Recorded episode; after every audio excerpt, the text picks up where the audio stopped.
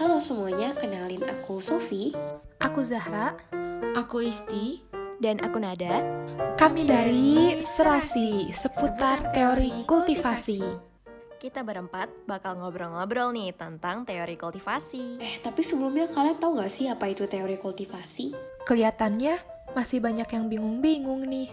Jadi, awalnya teori kultivasi ini muncul saat adanya perdebatan yang terjadi antara kelompok yang percaya tentang efek dari media massa sangat kuat atau powerful effect model dan kelompok yang percaya bahwa adanya keterbatasan efek media massa atau limited effect model. Selain itu, juga ada nih yang nganggap kalau efek media massa itu langsung dan ada juga yang nganggap efek media massa itu nggak langsung atau kumulatif. Aduh, jadi makin bingung deh. Nah, karena adanya hal itu, teori kultivasi ini muncul buat meyakinkan kita kalau efek media massa itu sifatnya lebih luas dan saling berkaitan ke berbagai aspek kehidupan daripada hanya ke individu. Oh iya, berdasarkan bukunya Little John juga bilang kalau teori ini tuh menjelaskan bahwa televisi diyakini berpengaruh besar terhadap sikap maupun perilaku dari penontonnya. Teori ini pertama kali ditemukan oleh George Gardner dan rekan-rekannya pada tahun 1969. Dan satu lagi yang menjadi poin utama di awal perkembangannya yaitu teori ini memfokuskan pada televisi dan audiens. Nah, iya benar. Selain itu, teori ini juga berfokus pada kekerasan. Eh, bentar-bentar. Emang zaman sekarang masih ada ya yang nonton TV? Masih dong, walaupun emang beberapa orang ada yang udah benar-benar ninggalin televisi, terus beralih ke media yang lebih modern kayak yang kita gunain sekarang seperti handphone. Tapi ada riset nih yang menyatakan kalau televisi itu ternyata belum sepenuhnya ditinggalkan oleh penontonnya loh. Yap, bener banget. Makanya teori kultivasi hadir untuk mencari tahu mengenai berbagai macam fenomena yang ditampilkan pada media konvensional atau televisi ini.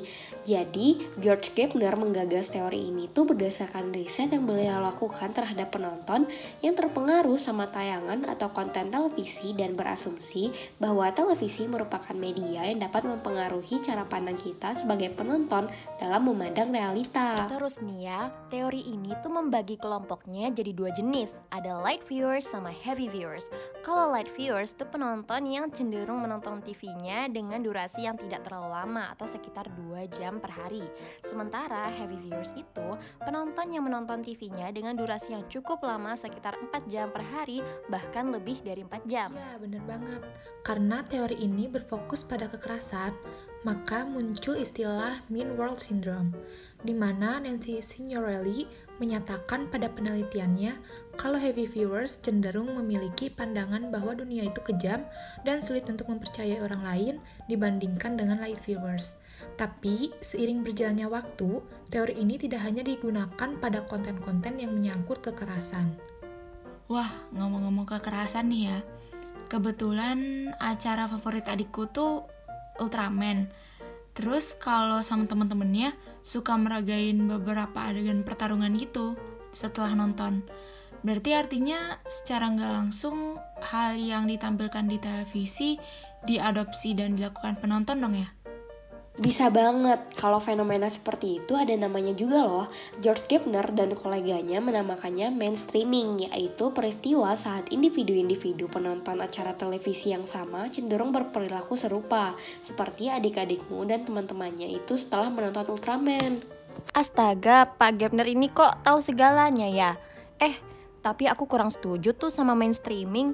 Buktinya aku seneng banget nonton acara TV tentang misteri pembunuhan tapi nggak pernah tuh peragain gerak-gerik pembunuh.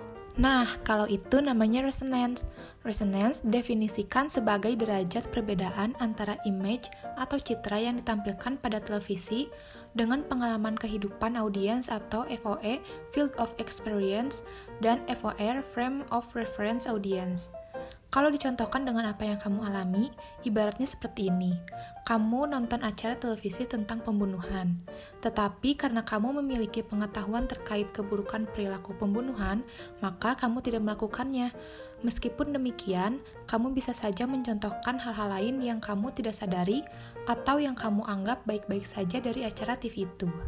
Hmm, iya sih, aku suka berperilaku seperti detektif pembunuhnya, hehe. Wah, menarik banget deh.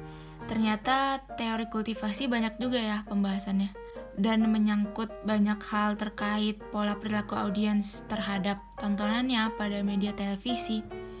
Tapi ada nggak sih kekurangan-kekurangan dari teori ini? Pasti semua teori ada kekurangannya lah ya. Ada kok, karena tentu teori itu dibangun bukan untuk dijadikan hal mutlak dan sempurna, melainkan melengkapi teori-teori sebelumnya. Menurut James Potter, walaupun teori ini melahirkan beragam riset, Potter berpendapat bahwa teori kultivasi ini tidak memiliki penjelasan yang kuat dibandingkan teori lainnya. Contohnya, dibandingkan teori agenda setting, teori kultivasi belum memiliki elaborasi yang cukup detail terkait efek media. Oh iya, aku juga dengar pendapat Potter terkait kekurangan teori kultivasi, yaitu bahwa elemen-elemen utama teori kultivasi belum diuji dengan baik. Salah satu aspek yang belum cukup diuji adalah aspek analisis institusional, yaitu asumsi bahwa konten pada media massa konsisten antar platform. Oleh karena itu, menurut analisis institusional, kita dapat menganggap bahwa terdapat makna dan pola yang mirip antara channel media massa. Ternyata hal tersebut belum begitu dipertimbangkan dalam teori kultivasi. Aku tahu kelemahan ketiga. Potter nambahin juga bahwa teori kultivasi ini kurang presisi dalam penjelasannya. Dan Potter berargumentasi bahwa penjelasan Gardner terkait efek institusional tidak begitu mencerminkan efek institusional sebenarnya. Wah, sungguh perbincangan yang menambah wawasan ya. Itu dia diskusi antara Sofi, Isti, Zahra, dan Nada terkait teori kultivasi. Hmm, kira-kira kamu mendapatkan poin-poin apa aja tentang teori tersebut? Apakah kamu catat? Kalau kamu takut ada poin yang ketinggalan, jangan khawatir. Setelah ini akan ada ringkasan perbincangan antara Sofi, Isti, Zahra, dan Nada yang akan disampaikan. Teori kultivasi ditemukan oleh George Gepner dan rekan-rekannya pada tahun 1969 yang berfokus pada televisi dan audiens. Teori ini membagi penonton ke dalam dua jenis, yaitu heavy viewers dan light viewers. Selain itu, pada teori ini, efek yang diberikan pada penonton juga terbagi dua, yaitu mainstreaming di mana penonton yang terpengaruh adegan kekerasan akan mempraktekannya di kehidupan sehari-hari, dan resonance di mana penonton sudah memiliki pengetahuan yang cukup untuk tidak mempraktekkan adegan kekerasan pada kehidupan sehari-hari. Terdapat beberapa kekurangan dari teori kultivasi, yaitu teori ini belum memiliki elaborasi yang cukup detail terkait efek media. Elemen-elemen utama teori ini belum diuji dengan baik, dan penjelasan dari teori ini kurang presisi. Sekian dari Serasi seputar teori kultivasi. Terima kasih sudah mendengarkan.